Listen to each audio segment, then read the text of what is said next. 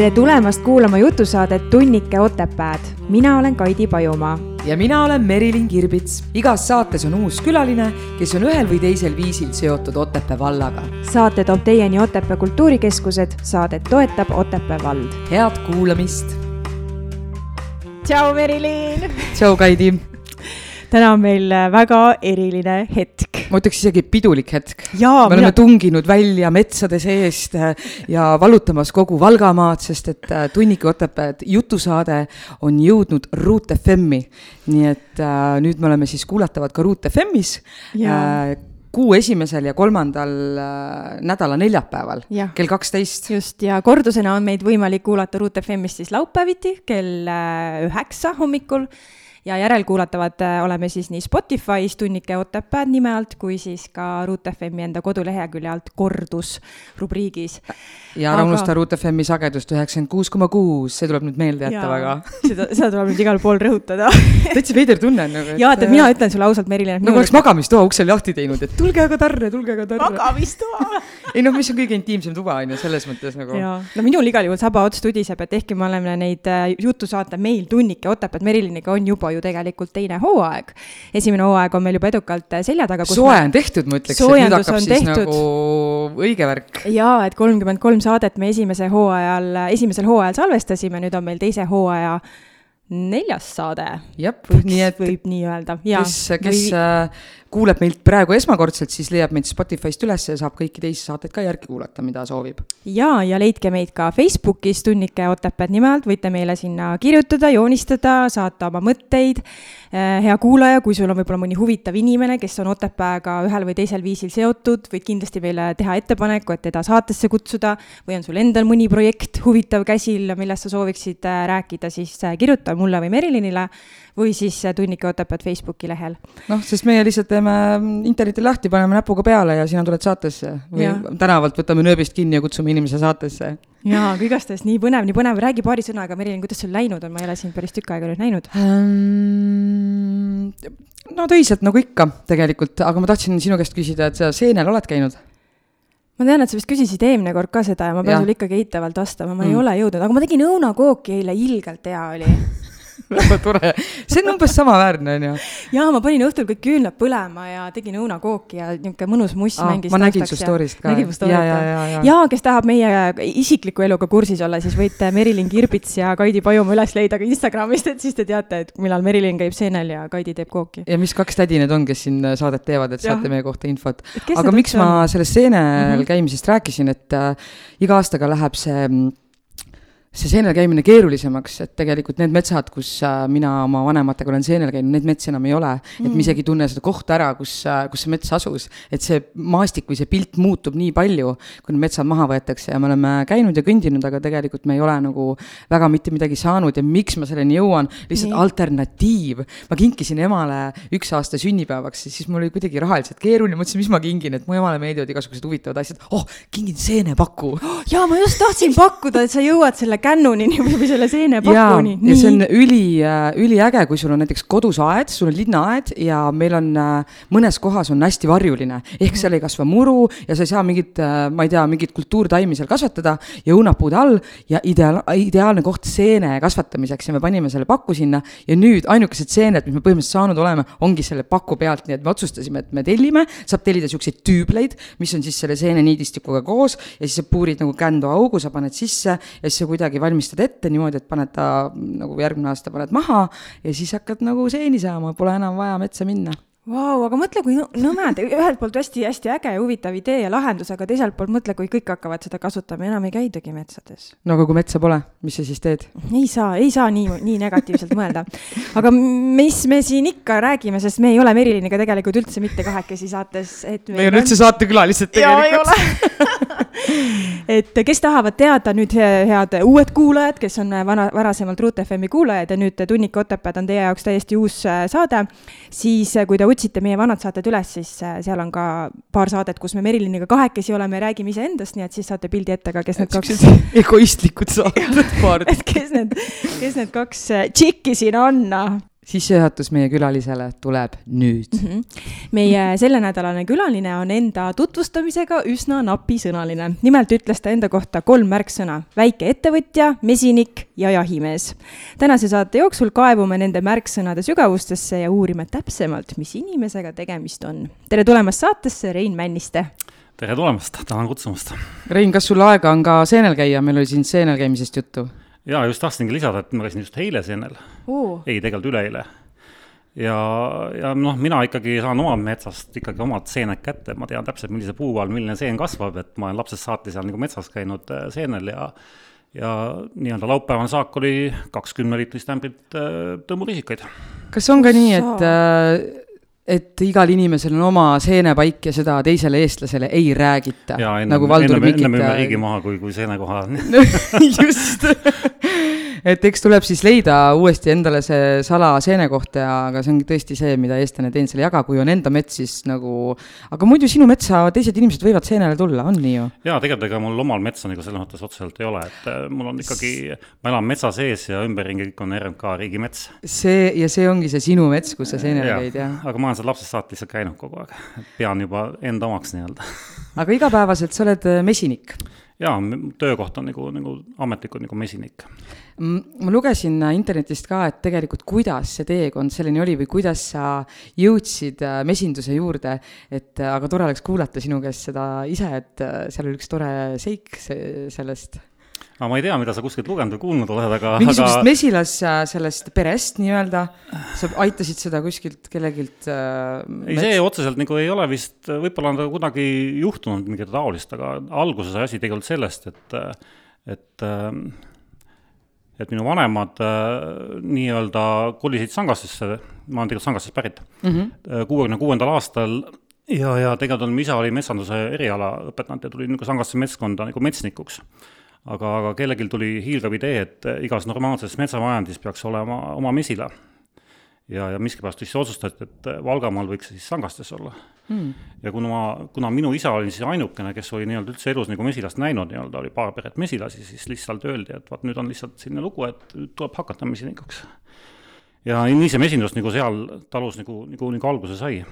ja, ja kuna ma siis kasvasin nii-öelda koos mesilastega seal ülesse siis ma olin noh, täiesti veendunud, et minust nagu mesinikku ei saa, et, et noh, see ei ole tegelikult mingi elu, et suve nagu endal ei ole, eks ole, et teised küsivad, et noh, mere ääres käisid, ma küsin, mis asi see meri on, eks ole, et ja, ja, ja nii edasi ja siis ma olin noh, täiesti veendunud, et mast nagu mesinikku ei saa, aga asjaolu läks niimoodi, et et sellel sügisel sai mul kolmekümne viies hooaeg nagu täis, et kolmkümmend viis aastat? jaa, et ma ei olegi otseselt nagu midagi muud teinud peale mesinduse. ma saan aru, et sa mesilasi siis ei karda ei, ma neid enam ei karda jah, et aga algus oli küll ikkagi küllalt närviline, et uh -huh. ütleme, kui ma alustasin, siis mesilased olid ikkagi natukene agressiivsemad ja kurjemad kui, kui tänapäeval. kas see tõesti vastab tõele, et oma, oma nii-öelda mesinikku nad ei, nad ei ründa siis või?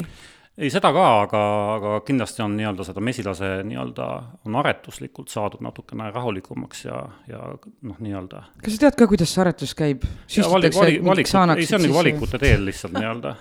valid äh, lihtsalt äh, teatud peredest äh, nii-öelda järglasi, kellest sa nii-öelda noh, kuna emasid on võimalik kasvatada nii-öelda, neid kuningannasid on võimalik kasvatada siis, äh, siis lihtsalt äh, valikute teema on see põhimõtteliselt. Kas.... kui, kuigi tehakse ka Eestis äh, kunstviljastamist mesilasemadele kunstviljastamist? Wow.. kuhu me jõudnud oleme? kas sa, kas sa tuletad korra meelde, kes mesilasperes elavad, mis on need äh, liikmed seal? ei no seal on kolme sorti tegelasi põhimõtteliselt, et, et kõige tähtsam on see nii-öelda kuninganna, eks ole, nii-öelda emane, eks ole ja siis on töömeeslased, kes on ka tegelikult, kõik on nii-öelda tüdrukud oh. ja, ja siis on äh, mingi teatud pande on seal ka nii-öelda leskesid ehk siis isamesilasi nii-öelda, neid on siis suurusjärgus seal tuhat kuni kaks tuhat iga pere kohta. leskesid? ja noh, neid kutsutakse leskedeks nii-öelda, no on isa, isamesilased oh.. sa ei teadnud või?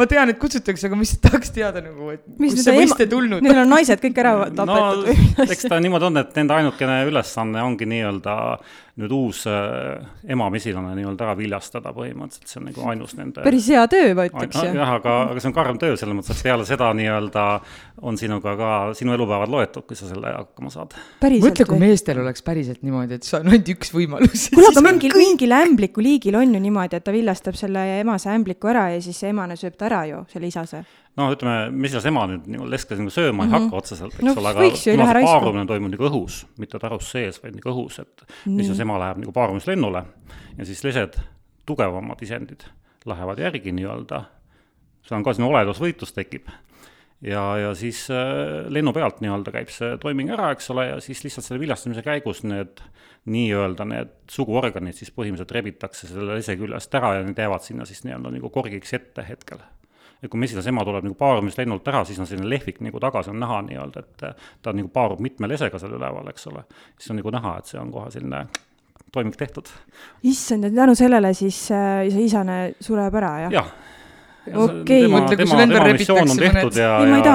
kõige hullem on veel see, et neid leskasid on nii-öelda noh, kevadest saati on sees, eks ole, tarudes talveks neid ei jäeta mm. -hmm. ja nüüd, kui ongi, et nüüd on, sügis on käes ja hakkab nagu talv tulema, siis põhimõtteliselt need lesed lihtsalt lüüakse tarust välja issand, kui appikene, ma ei teadnudki seda teemat üldse. me tuleme kohe selle teema juurde tagasi, me teeme siinkohal väikese pausi. väga põneva koha peal teeme ikkagi. ja siis uurime, mis nendest leskedest edasi saab. Kaidi saab korraks rahuneda siis tuleme tagasi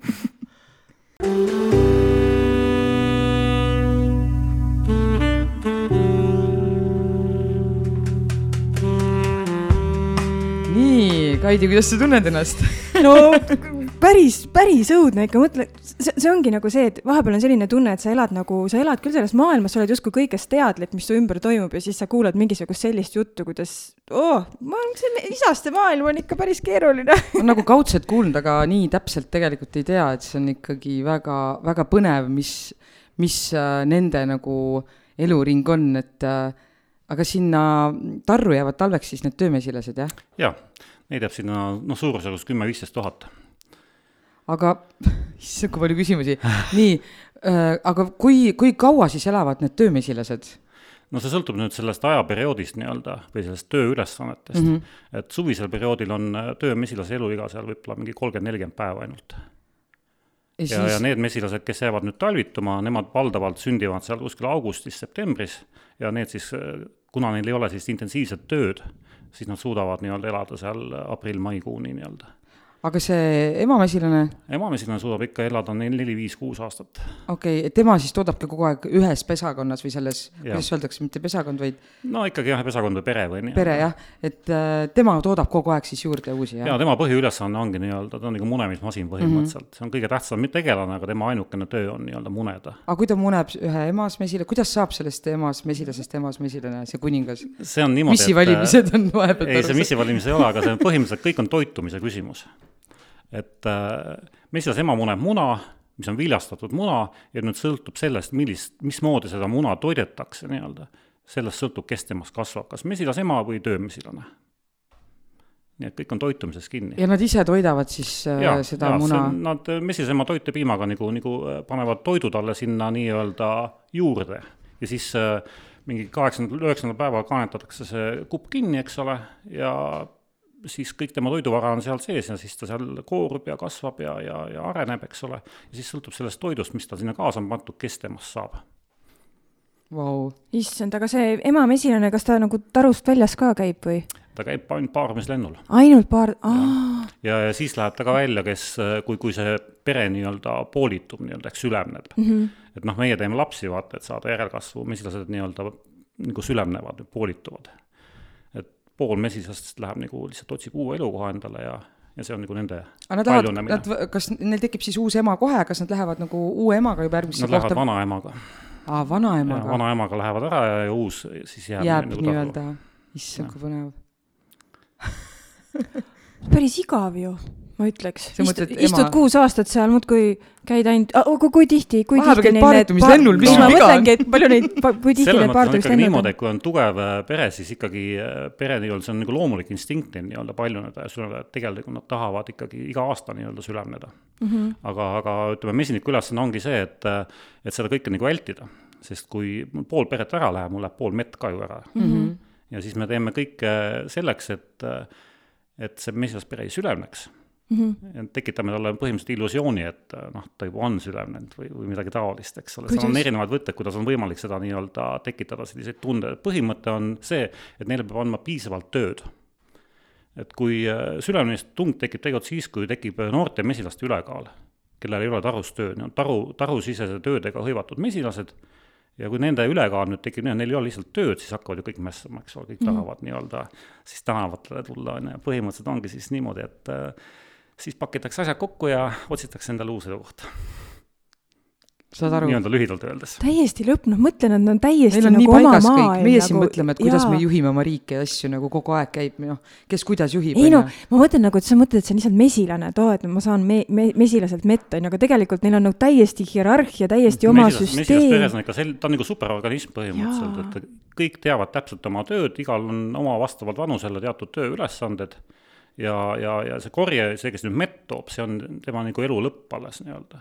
et ta on kõigepealt kaks kuni kaks nädalat on tarutöödega hõivatud, seal kõik äh, koristamised ja, ja, ja teiste mesilaste toitmised ja, ja, ja kõik selle mee ja nektari paigutamine siis nii-öelda ja ümbertöötamine nagu meeks tegemine, sest noh, nektar on ju vedelollus selline, eks ole, et et temast nüüd mesi saaks, peab mesilane selle nagu korduvalt läbi filtreerima ja nagu, nagu niiskuse välja arutama see tähendab, et tihti inimesed isegi ei tea tegelikult, kui palju mesilane näeb mee nagu tootmiseks vaeva või jah, ja siis, siis sa vaatad, et äh, mõnikord seda tööd nagu ei hinnata absoluutselt, just, ma mõtlen just, et mis see mesi maksab, on ju, et selles täpselt. mõttes, et, et oh, et mis nii kallis, on ju. aga mõtle, kuidas see saadud on. et täpselt selle, selle kohvi sisse, mis ma panin selle lusikatäie mette, et see on võib-olla mingi kümne mesilase elutöö nii-öelda. täiesti lõpp Crazy, crazy, väga crazy, see on, see on tõesti, see on hästi-hästi põnev äh, maailm ja meil aga kindlasti... mis, mis, äh, mis tööd näiteks suvel näiteks, kuidas, äh, mis tööd sina mesilastega teed, et kas suvel nad lihtsalt rändavad ringi ja võtavad, korjavad mett, et? no põhiline töö ongi tegelikult nagu suvine töö, hakkab nagu mai, maikuust tavaliselt nagu peale ja kuni mee võtmiseni kuskil selle augustikuuni on, siis on nagu hästi tihe töögraafik tegelikult. et tulebki nii-öelda kogu aeg neid mesilasperesid nagu, nagu tööd juurde anda, laiendada Mm -hmm. et see on nagu põhitegevus nii-öelda ja sa ei tohi nagu anda liiga palju ette ja sa ei tohi ka vähe anda, eks ole, et sa pead täpselt nii-öelda nagu lugema seda mesilasperet, eks ole, vaatama, mis siin nagu täpselt toimub, on ju. kui nüüd mesilasperes on muidugi palju sul juba, ütleme noh, ikka väga palju, ütleme, mina saan veel hakkama niimoodi, et meil on kuskil noh, nelisada mesilasperet laias laastus. nelisada mesilasperet? nelisada sülemit siis või? no nagu peret, eks ole mm, -hmm. nagu noh, sülemed. tarus on nagu, üks no, pere, on ju? jah mm, -hmm. ja see on nagu korpustarudes, et äh, see siis ajas nagu kasvab, eks ole, et äh, et tänapäeval ongi nagu korpustarud, et see nii-öelda pannakse järgmine moodul juurde, kui läheb kitsaks, eks ole, põhimõtteliselt et äh, enne peeti nagu, mis seal nagu lamatarudesse mm, -hmm. aga seal mhm. tulevad nagu piirid ette, seinad on ees, eks ole, sa ei saa nagu suuremaks minna, kui see taru nii-öelda mõõtmetelt on, eks ole. aga korpustaruga on selles hea, et äh, sa saad nagu sinna juurde järgmise korpuse lisada ja noh, õhk ei maksa midagi, eks ole mm, -hmm. et mhm. lähed ülespoole. aga sina, kui ma sain aru, et sa oled kolmkümmend viis aastat ja. tegutsenud äh, mesilastega, et on olemas selline teraapia, kus inimesed lasevad ennast nagu nõelata saada siis mm -hmm. mesilaselt, et kuidas sina sellesse suhtud, et kas see on nagu mingi spirituaalne mambo-jambo või see Öeldakse, päriselt lase, aitab või? tervist tahad, siis lase mesilasel nõelata see on, tegelikult on päris äh, tõsi ja tõendatud asi, et see mesilasmürk on äärmiselt kasulik inimesele äh, igasuguste noh, ütleme liigeste hädade puhul ja, ja tegelikult ta kolesterooli alandab ja, ja kõike veresooni laiendab ja ta on väga-väga palju, hästi antibakteriaalne on ta tegelikult. aga ainult siis, kui sa ei ole allergiline sellele mm. -hmm et äh, mesilasel mürk on hästi keerulise koostööga, ta on nagu kahekomponentne ka veel lisaks, et et see nii-öelda mesilase nõelamine, see on ravim, eks ole, kui erinelase nõelab, see on mürk, eks ole, põhimõtteliselt mm.. ma mõtlengi, et kui ise olen niimoodi suvisel ajal nõelata saanud, et siis see ju koht läheb ju kõik paiste ja punaseks ja ta sügeleb tükk aega ja ta on niisugune ebameeldiv ja punetab ja kuum, kuum on nagu, et, et kui, kui seda nagu tahtlikult teha, kas siis seal kasutatakse mingisuguseid teisi vahendeid veel juurde, et ei tekiks seda ärritust või? ei, ärritus ikka tekib, see on mm. nagu normaalne reaktsioon kehal, et mm. ja kui sa nüüd oled juba piisavalt saanud nõelata, siis lihtsalt enam ei teki seda mingi hetk mm. -hmm. aga sa tead, kuidas see käib siis, et korjatakse seda mürki või? ei, kusjuures ma nägin seal mingi Maa hommikusaates või kuskil nagu oli, et ongi, et inimesed, ta Otsib... võtab selle mesilase ja. ja hoiab teda kuidagi niimoodi, et ta panebki selle kohaga, kus tal see nõel on vastu, vastu siis äh, klienti ja nõelab ära, eks ju, aga noh, tegelikult see mesilane ju noh, hukkub ja, peale seda, eks ju. et tal on samamoodi, tema mesilase astel on nii-öelda kidaline, ta jääb meile nahka kinni sinna ja siis samamoodi, kui see mesilane on ära nõelanud ja mesilane ära lendab, siis tegelikult rebitakse jälle see nõel nagu välja põhimõtteliselt ja. muidugi, tihti me ju tõmbame selle nõela endast ära. On nii-öelda vereringes on see nagu ei, ei noh, see on vedel, see nagu ei paaku või kuidas öeldakse mm, -hmm. eks mhm. ole, et. aga öeldakse, et mesilane, mesilane hukkub peale nõelamist, nõe, jah, nõelamist jah ja,, aga, aga herilane justkui ei hukku, et. jaa, herilase no. nõel on nii-öelda sile see on nagu tääk, eks, torkab sisse sind kümme korda ja Oi, ja ei ole vahet, aga mesilane on see, et see on, kindlustab selle, et ta sind korralikult nõelab. see nõel, kui ta nii-öelda sulle sisse torkab, eks ole, siis ta kuskil minuti-kahe jooksul veel pumpab nii-öelda sealt mm. mürki sisse ja see on nii, et tegelikult peaks noh, kui sa ei taha seda mürki, siis sa peaksid ta võtma nii-öelda nagu tõukama välja, mitte lihtsalt võtma välja, sest tal on nagu mürgipaunad jäävad sinna külge ja selle võtmisega sa pigistad kogu selle mürgi sisse veel endale, eks ole. kui sa nagu ei taha väga seda mürki saada, siis sa tõukad ta välja ja siis on selline võimalus veel olemas, et kui sa selle välja tõugatud äh, nõela nüüd paned endale kuhugi pehme koe peale siia sisse, tegelikult läheb, ranib uuesti veel sinna sisse, neelab nagu iseseisvalt ennast. aga kas sina teadsid, et sa ei ole allergiline neile, kui sa ei, ega otseselt ei teadnud, aga see on ju katse, katse, katse-eksituse meetod, noh, mesinike laps, et küll ma siis nii-öelda ikkagi ehk ei ole nii-öelda. sest ma tean, et minu isa on allergiline ja ma alati kardan seda, et kui me teeme metsas tööd või kuskil, et siis nagu tunnen, et ma peaksin neid käega laiali, et sihuke hirm tekib lihtsalt, et mis ma siis nagu. aga tänapäeval muidugi saab oluliselt vähem nii-öelda, ma enne rääkisin, et mesud on oluliselt leebemad, kui mm -hmm. sel ajal, kui alustasin, et, et praegu on ikka selline situatsioon, et harva saad lihtsalt niisama nõelata, et mees tuleb ja nõelab sind lihtsalt nii-öelda, et sa, ja põhimõtteliselt nõelab siis, kui sa jääd talle lennutee peal ette mm. -hmm aga ennem oli ikkagi niimoodi, et kui sa ikkagi mee nii-öelda, mee võtmise aeg läheb hästi närvi, et sa lähed ja võtad nende saagi põhimõtteliselt ära, eks ole, et mm -hmm. siis siis nädal aega õue peal eriti liikuda ei saanud võib-olla, ütleme, kui ma alustasin kolmkümmend aastat, kolmkümmend viis aastat tagasi, eks ole aga tänapäeval on see asi vähe lihtsam, et mehed on rahulikumad, sõbralikumad, et äh, nõelata saab põhimõtteliselt siis, kui sa ise oled mingi vea teinud ja jätnud võib-olla noh, võtnud valesti, jätnud endale mesilase näpu alla kuidagimoodi või pigistanud teda või, et siis ta nagu nõelab sind. aga sina ikkagi toimetad nendega täiskostüümis ja jaa, meil on ikkagi nii-öelda kombinatsioonid on seljas, et mm, -hmm. et see on nüüd ka jälle see eelis, et kui ma alustasin, siis olid nii-öelda valged arstikitlid põhimõtteliselt seljas ja, ja, ja oligi kogu lugu, kinnastest ei olnud tunnistadagi, et tänapäeval on kõik kaitsevarustus on olemas, et isegi need, kes on nagu allergilised, on võimelised nii-öelda mesilist pidama, sest ta suudab ennast niimoodi ära kaitsta, et, et ta ei saa nõelata mm. -hmm täiesti crazy, aga kuidas need mesilased sellesse suhtuvad, et, et sa selle mee sealt ära võtad ja neile lihtsalt suhkru asemele paned? Ega nad äh, noh, mis neil ikka üle jääb, eks ole, et mm -hmm. loo, inimene on selline, et tahab, mesil on ainukene putukas, kes äh, nagu toodab äh, inimeste toitu põhimõtteliselt mm. -hmm. tänu sellele neid nagu ekspluateeritaksegi.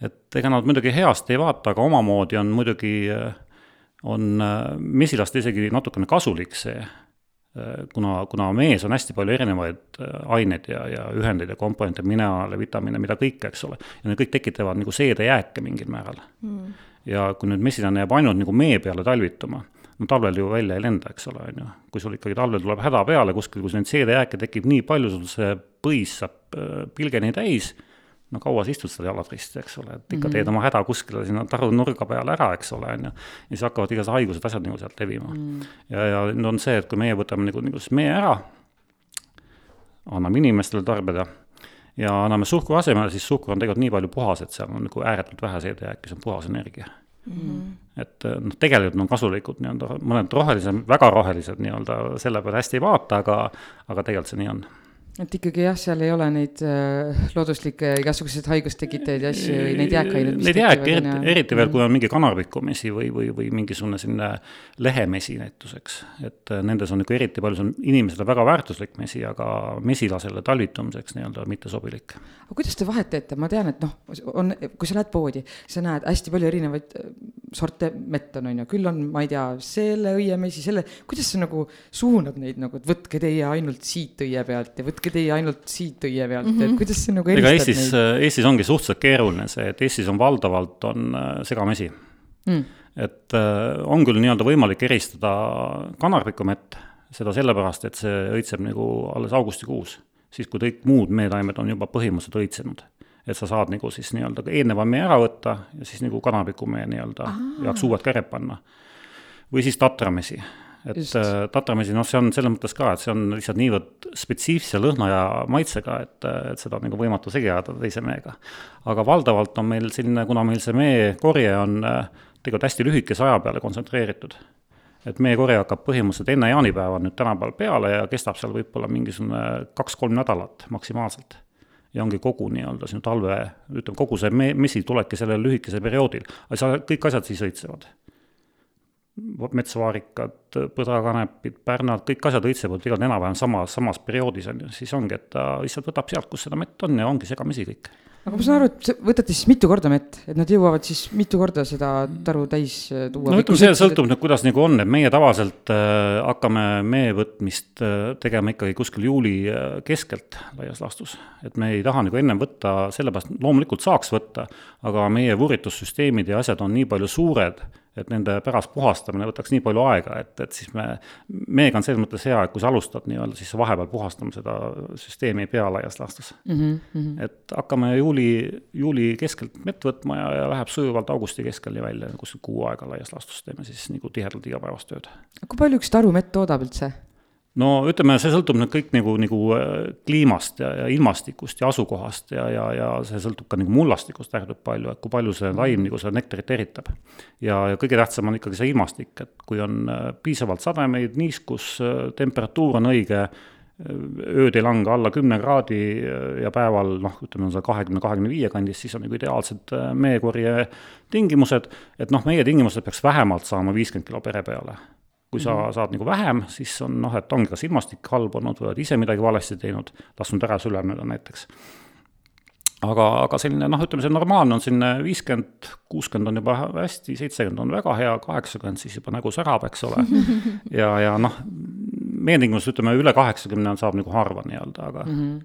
no milline vesi sulle endale kõige rohkem maitseb? Täiesti tavaline ja enda oma on ikka kõige parem tavaliselt, ma vaatan, on ikka maitsen kõiki neid meesid, et siis -hmm. tundub, et enda oma on, aga see on ilmselt selles ajuehituses kinni, ma arvan aga sul oli kolm märksõna, et väikeettevõtja, jahimees ja mesinik, et ma saan aru, et see ettevõtlus ongi sul seotud, seotud eh, mesindusega või tegeled sa millegagi veel kõrval? ei, ainult mesindusega jah, et mm, -hmm. et nüüd on meil osaühing eh, Sangaste Mesi, et enne seda tegutsesin FIE-na ja tegutsesin täiesti üksinda mm. -hmm ja, ja veel enne seda, kui ma alustasin, siis tegelikult äh, Sangaste metskonnamesinikuna nagu riigipalgalisena nii-öelda mm.. ja ma olin äh, metskonnamesinik aastani kaks tuhat. et kõige kauem äh, suutis Sangaste metskond nagu mesila säilitada.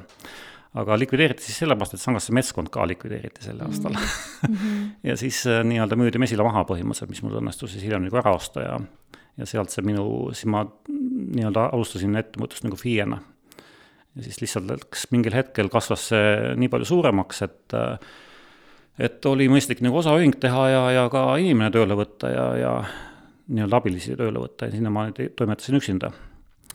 ja, ja oligi plaan selles, et mul oli mingi sada viiskümmend peret ja vaatasin, tööd on ikka nii pagana palju, et ma võtan ühe abimehe, eks ole, et siis on nagu endal lihtsalt tööhõive väiksem. ja siis vaatasin kahe aasta pärast, avastasime, et täpselt topelt rohkem peresid ja tööd on veel rohkem kui ennem, et mm, -hmm. et et nii ta on. aga sa ütlesid, et sul on äh, nelisada mesilat siis. mesilasperet. mesilasperet. Äh, kas siis, kas siis praegu, noh, ma küsin hästi otse, kui sa ei taha vastata, siis ütle, eks ju, aga kas tõesti nagu mesindusega on tänasel päeval võimalik ära elada? ära elatada enda pere? jaa, ikka on, aga mm -hmm. noh, mida aeg edasi praegustes tingimustes, siis yeah. läheb natukene keerulisemaks mm. -hmm. aga ütleme, et siin mingisugune kümme-viisteist aastat tagasi oli niimoodi, et sul pidi olema sada mesilasperet, et ennast ja oma peret ära elatada kuidas... see on ainult siis nagu mes-, mee müügiga? no põhimõtteliselt mee müügiga, jah mm. -hmm.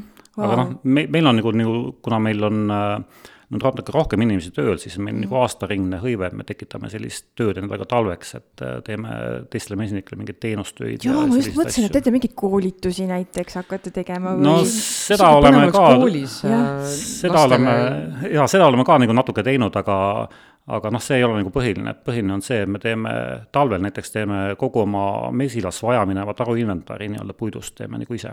et me ei mm. osta neid kuskilt, kuna meil on masinad, seadmed ja oskused olemas, siis me kõik need asjad teeme ise, teeme ka natuke müügiks. taru, ta, te siis iga aasta on tal uus taru või ta ei, ei ole mitte, mitte iga aasta no. uus taru, aga lihtsalt noh, kuna mesisperede arv nagu mm -hmm. kasvab pidevalt, siis on inventari juurde tarvis kogu aeg, eks ole mm. -hmm.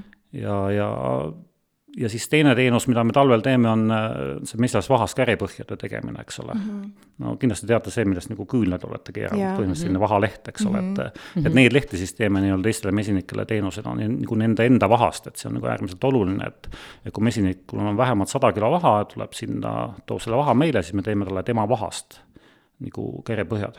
see on just tähtis sellepärast, et see mesilasvaha on, on selline aine, kus nii-öelda võivad akumuleerida kõik igasugused keskkonnajäägid ja, ja, ja, ja ravimijäägid, mida sa kasutad nii-öelda mingite parasiitide tapmiseks seal tarus mm. -hmm. et mhm. need võivad kõik sinna sisse jääda ja kuna kogu selle mesilase elukeskkond on ju selle vaha sees tegelikult, eks ole, lasteaed ja, ja meehoidlad ja kõik on nagu selle vaha, vaha sees, eks ole, siis on äärmiselt oluline, et see oleks nagu, nagu hästi puhas, võimalikult puhas mm. -hmm.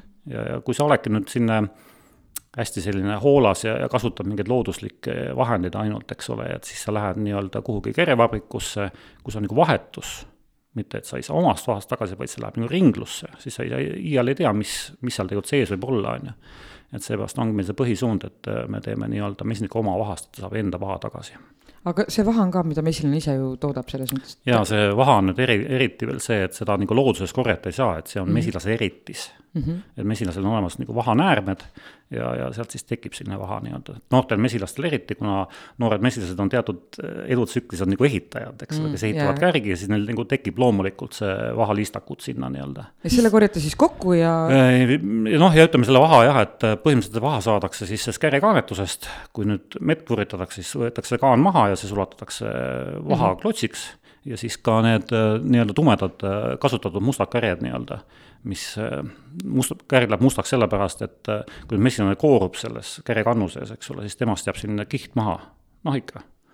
käib natuke kempsus ja midagi ikka eritab, eks ole, on ju.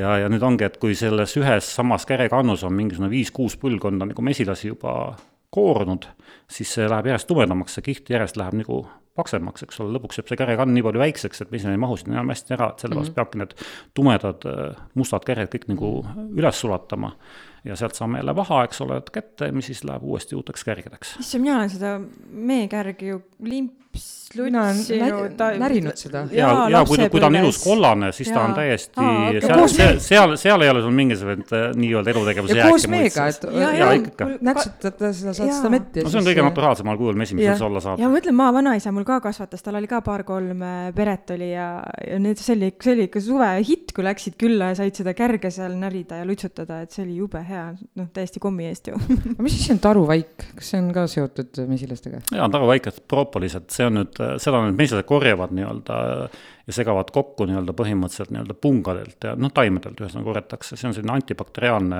aine põhimõtteliselt, et seda nad kasutavad siis igasuguste avast, avade noh, kittimiseks nagu tihendamiseks ja ka nagu ravi eesmärgil, et see ongi nagu selline, loovad sinna sellise antibakteriaalse keskkonna põhimõtteliselt sisse. kas teie korjate ka seda taruvaiku? jaa, ikka.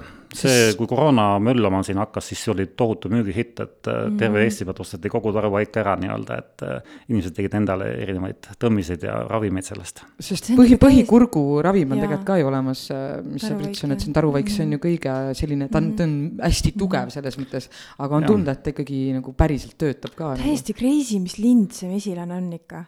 noh, nii nagu kas ta on lind? mesilind ütleme, nõukogude, nõukogude aegu liigitati meid äh, kanadega ühte kategooriasse, me olime, me olime linnukasvatajad. päriselt? ja, ja. aga mis põhjusel?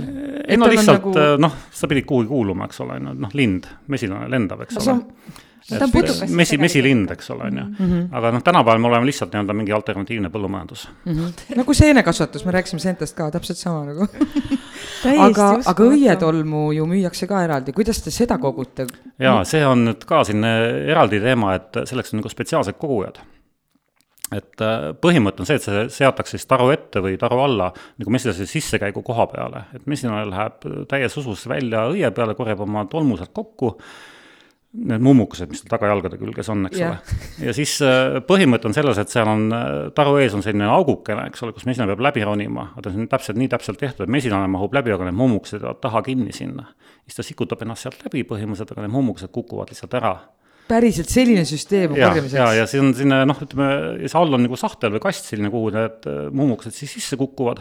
ja selle siis põhimõtteliselt ma pean iga päev siis käima ja kokku korjama nii-öelda selle tolmu ja siis ära kuivatama, et ta säiliks aga kuidas ta meest nagu erineb, et, et äh, mesi on juba mesilase sees? no mesi on nagu suhkur põhimõtteliselt, eks ole. aga, aga see on nagu valk. et äh, põhimõtteliselt see on nagu noorte väikeste mesilaste toit, et äh, sellest õietolmust tehakse siis õietolmu või siis õietolmust tehakse suiri kõigepealt, see on siis niimoodi, et see õietolm viiakse tarru, pannakse sinna kerekannu sisse, tambitakse kinni mm, -hmm. kuskilt saavad nad looduslikud piimhappebakterid tekivad kuskilt nii-öelda, ma täpselt ei tea, kus nad tekivad wow., nad hapendavad põhimõtteliselt selle õietolmu nagu ära, et suir on nüüd hapendatud õietolm ja seda suira siis kasutatakse nii-öelda noorte mesilaste toitmiseks, tehakse suira ja mee segu nii-öelda aga kui te selle ära korjate, kuidas nad siis toidavad enda ega me kõike ka ära ei korja, et uh -huh. ikka mõni mummuke läheb kaasa ka neil ikkagi ja see on, me võtame selle õietolmu hästi lühida, lühikese perioodi jooksul, loomulikult see mesilas peret nagu arengut häirib, aga, aga teda on nii-öelda inimestel ka tarvis. Ta on lihtsalt nii palju väärtuslik mm.. issand jumal küll, no täiesti lõpp, ma mõtlen, et see on, see ongi eraldi saade nagu abs, absoluutselt nagu ei kujutanud ette, et see meie maailm selline on. just, mingit meie möla ei ole, vaata, et mingit oma juttu sest me ei tea. väga põnev, no ma loodan igal juhul kuulada, et teie olete ka tunduvalt targemaks saanud, et äh, mis, mis, mismoodi see mesilase elu tegelikult käib. kas kas iga inimene võib mesinikuks hakata, kas me Kaidiga, meile tundub see praegu nii põnev, et äkki see on on, on ikka võimalik, et öö, äh, otseselt nagu luba ei ole vaja taotleda nagu mõne tegevuse puhul võib-olla, et sul peab mingi litsentseeritud tegev-, noh, koolitus olema ja taolist. aga iga, iga inimene võib endale mesilaspere võtta, kuhu heaks arvab. Äh, muidugi oleks nagu noh, eelnevalt oleks tarvis ikkagi, kui tahad hakata mesinikuks, ikka võiks ikka mõned raamatud läbi lugeda ja tegelikult korraldatakse praegust hästi palju igasuguseid väikesi koolitusi, abc koolitused mm -hmm. ja, ja sellised, kus sa saad nagu osa võtta ja mingisuguse aimuse sellest.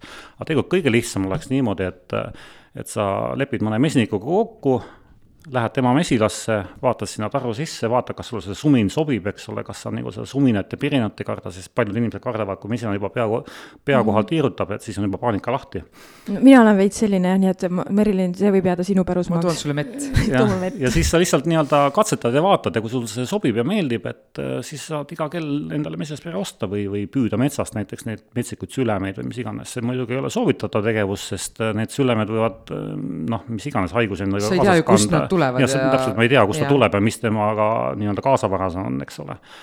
Aga kui sa nii-öelda mõne tuttava mesniku käest ostad selle või, või ta kingib sulle võib-olla mingisuguse, ma ei tea, töö eest või mis iganes, tuled talle nii-öelda kas või appi mett vuritama ja võib-olla lepid kokku, et saad selle eest ühe mesilaspere endale sügisel siis. aga põhimõtteliselt, kas niimoodi on ka võimalik mett saada, et, et äh, sa tead, et mesilased on metsa teinud ise kärje ja siis võtad selle kärje ära ja siis? ja, ja nii see asi ju alguse saigi tegelikult, et äh, algul oligi ju nagu Eesti alal ka oli nagu metsmesindus põhimõtteliselt.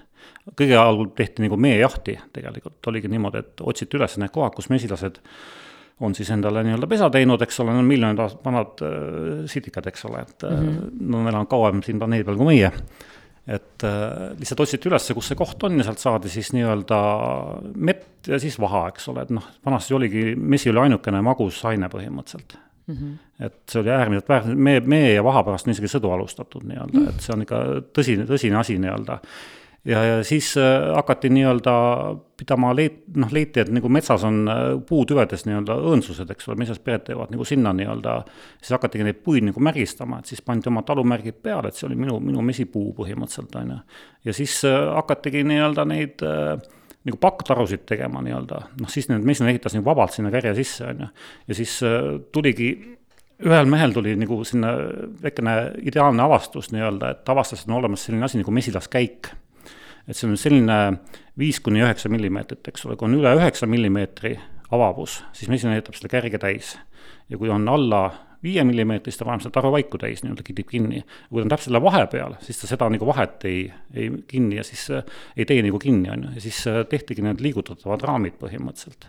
et sellest sai nagu tänapäevane mesindus alguse, et me saame need majandada raamide kaupa, ennem mm -hmm. mesinane ehitas lihtsalt mm -hmm. tühimikku, lihtsalt kered suvaliselt risti-rästi, eks ole, on ju issand, kui põnev ma mõtlen, kuidas see nagu mesilase avastamise, sa pead ju teda väga pikalt jälgima, et saada aru, kuidas ta üldse toimib, aga huvitav, kas keegi praegusel ajal ka seda metsajahindust mesilastega teeb?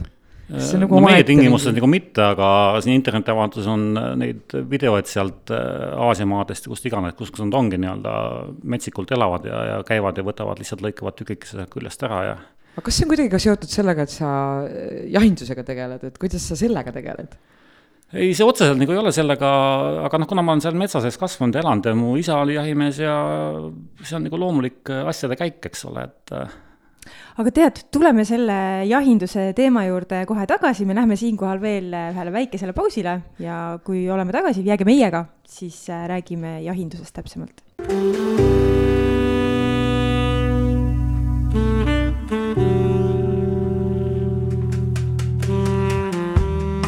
Tere tulemast tagasi saates, siis räägime täna mesindusest ja jõudsime siis mesindusest hooga jahinduse juurde. mis jaht praegu käib? no praegu käib see kurikuulus ikka põdrajaht et ega see jahindus on tegelikult mul nagu rohkem nagu selline nagu, nagu pühapäeva jahimees olen mina ikka mm., ma ei ole nagu väga, väga südamega jahimees, sest kuna mul see põhiaja ikkagi võtab see mesindus nii-öelda et aga lihtsalt see on selline hobi korras nii-öelda, mulle meeldib käia pardijahis, põdrajahis ja, ja noh, ütleme natukene lihtsalt metsas mm. -hmm et eesmärk ei olegi otseselt nagu, nagu looduses liikumine, kuna noh, seda ma olen nii ehk naa päevad läbi lihtsalt nii-öelda oma töö pärast looduses, vaid see on selline, lihtsalt selline ka puhas toit põhimõtteliselt mm.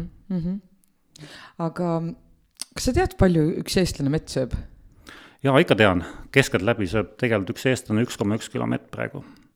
aasta. aastas üks koma üks kilo? see on vähe tegelikult on häbematult. see on väga palju, ei ole või? see on tegelikult vähe. häbematult vähe. ja tegelikult on hetkel ongi see, et hetkel on Eestis nagu selline mesinike natuke üleküllus ja, ja mm., ja kergelt nagu, nagu mee ületootmine ka, et sellepärast need hinnad praegust vaatate, siis kõik asjad on ju tõusnud ikka tohutult, mhm. on ju, aga tegelikult meie hind püsib täpselt samal tasemel, nagu ta oli eelmine aasta, nagu ta oli viis aastat tagasi. no mis on meie, ma ei tea, liitri või kilo hind, kuidas te seda mõõdate? no need ongi nüüd, hinnad on erinevad, et on olemas hulgihind, on olemas äh, kodust müügihind ja on olemas mm -hmm. kaupluse hind, et mm -hmm. kaubanduses on praegust mesi laias laastus seal üheksa euro kanti kilo siis? kilo mm, -hmm. ütleme kaheksa-üheksa sooduspakkumiste aeg on seal kuue-seitsme kandis mm. -hmm kodus me müüme seitse eurot kilo ja, ja, ja meie hulgihind on tegelikult nagu häbematult äh, odav, et see on kuskil kolm koma kaks kuni kolm koma kaheksa euri kilo pealt. täiesti lõpp ja oota, mis sa ütlesid, ennem sa mainisid, palju sa ühest tarust ühe aasta jooksul no ütleme, viiskümmend kilo mett saame nii-öelda laias laastus mm -hmm., noh, tavalise plussiga ikka. palju üks inimene võiks süüa aastas mett no tegelikult oleks meest, Eesti, Eesti mesindusel oleks tohutuks abiks, kui iga inimene sööks näiteks pool kilo nagu mett aastas rohkem, kui ta praegu sööb mm.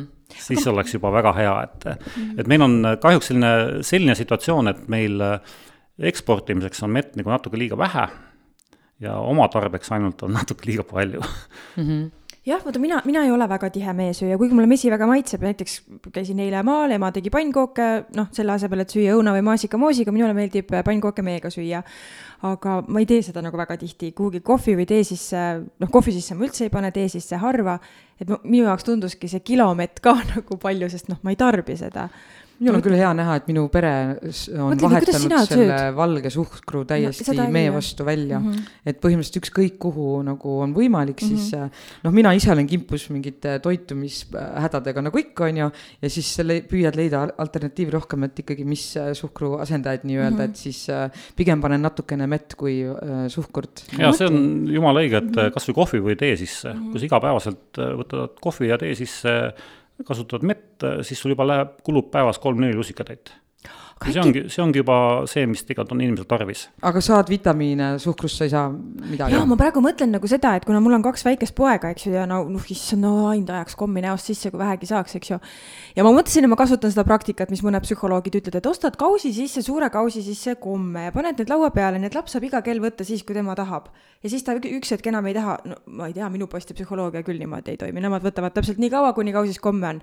aga mul tekkis praegu mõte, et aga mõtle, kui oleks mingi, võib-olla on ka juba, aga kui on näiteks mingid mees tehtud pulgakommid või mingisugused meemaiused ja asjad. et võtta see suhkur ja šokolaad ja kõik see tooraine nagu äh, laua pealt üldse ära et, äh, et noh, söövadki mett, et võib-olla siis oleksid ka lapsed ja inimesed tervemad. ja tavaliselt ongi niimoodi, et kui inimene ostab purgi mett ja paneb seda kuskile kappi seisma, ega siis ta seda ei söö ka et kui ta on ikkagi valdavalt laua peal kuskil nähtava koha peal, siis ikkagi võetakse ja ja osadel inimestel mesi absoluutselt ei maitse, sellepärast tehaksegi nii-öelda maitsemett või, või lisanditega mett, eks mm -hmm. ole, mhm. meie teeme nagu ka seda kõike, et meil on jõhvik, jõhvikaga, mustikaga, ingveriga, mille, mille iganes, eks ole. mis on kõige veidram, kas te olete katsetanud ka mingeid asju, mis pole müüki jõudnud, kas te olete proovinud midagi? Äh, mooniseemnetega proovisime ükskord noh, ei olnud hea või? pärast ei saanud naeratada lihtsalt enam. ei, jah, hambavahed olid täis kogu aeg, aga, aga sellega ta tükkis nagu kihistuma, see mooniseeme on hästi kerge nii-öelda, et ta mm. tükkis nagu üles pinnale tõusma, et, et ei saanud nagu hästi nagu müüa, aga maitselt polnud nagu viga, et seda huvitav omapärase maitsega. aga ütleme selline, et et need meesegusid või neid nagu läheb ikkagi, kui sa käid nagu laadal, kui sa saad inimesega suhelda ja proovida anda, et kaubanduses nad nagu väga nagu ei müü mm. -hmm. aga, aga noh, näiteks, näiteks noh, jõhvikaga mesi, eks ole, ilus roosa mesi mm. -hmm. jumala äge on vaadata, kui väike tüdruk sakutab pisat käevarrest näiteks, et issi, vaata roosa mesi, et osta mulle mm. -hmm. ta, ta võib-olla mitte ei tahakski mul üldse nagu proovida, aga kuna roosa mesi, siis ta on täiesti müüdud.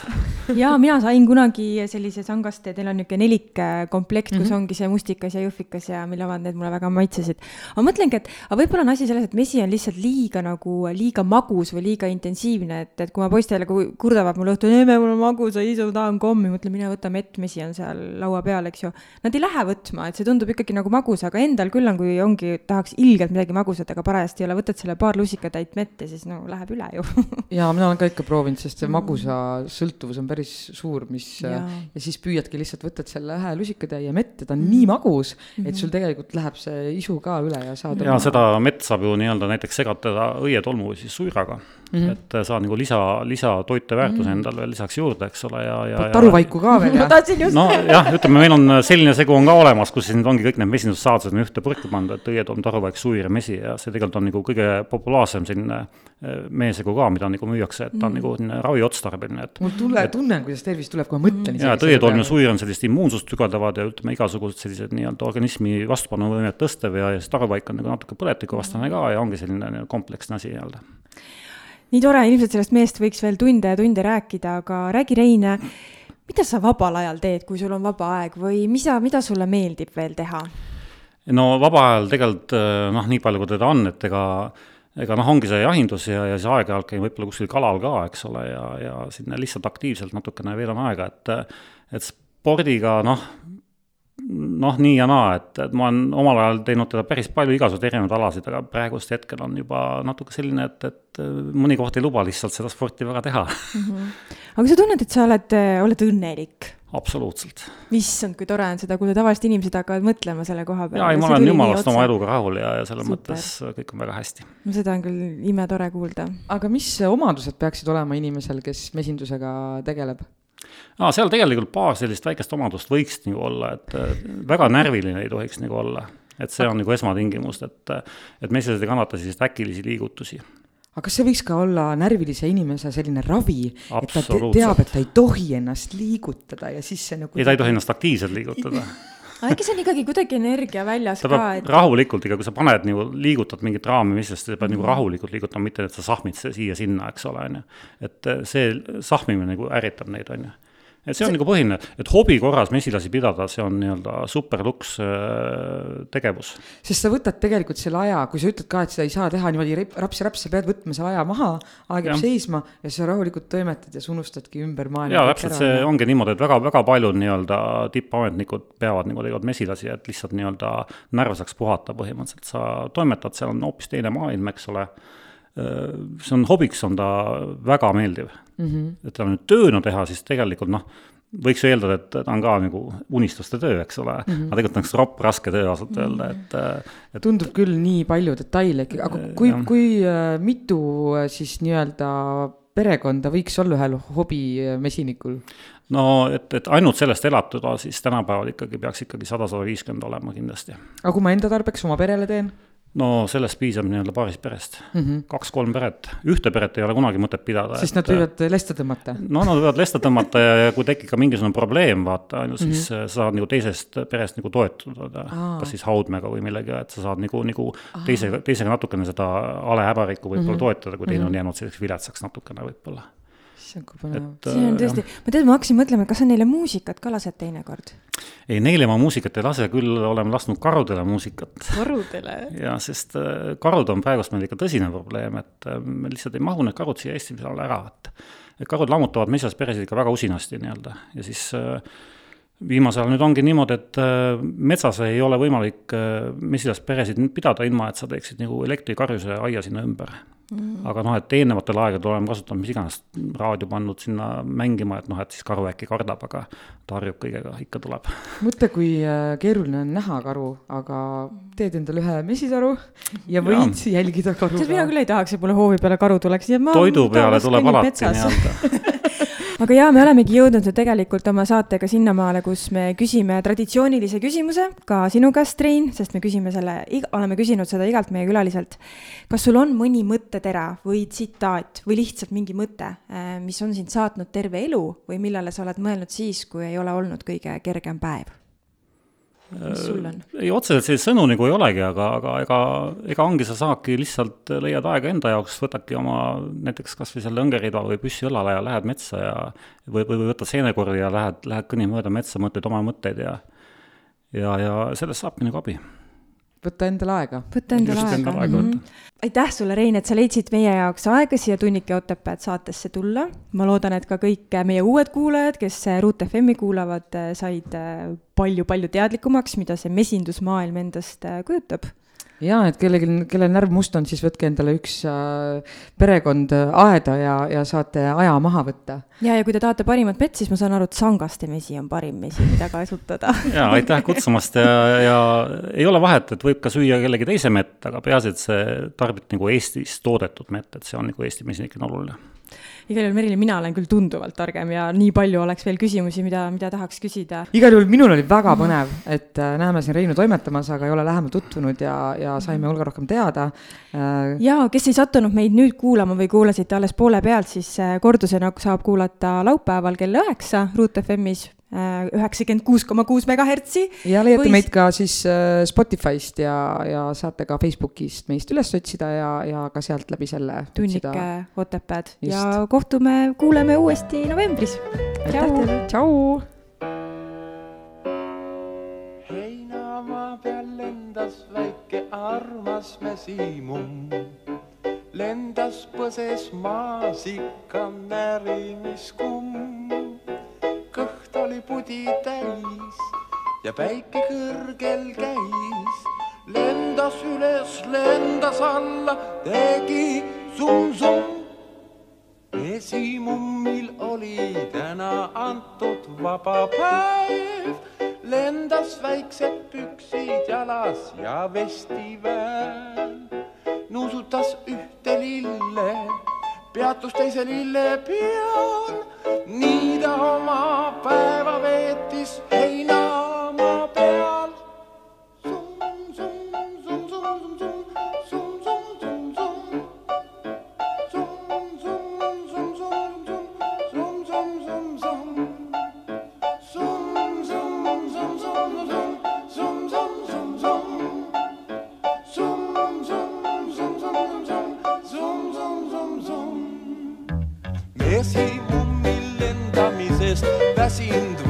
Tiib, otsis kohta, kuhu maanduks, peatukski siis kõikjalt puha lillemeri.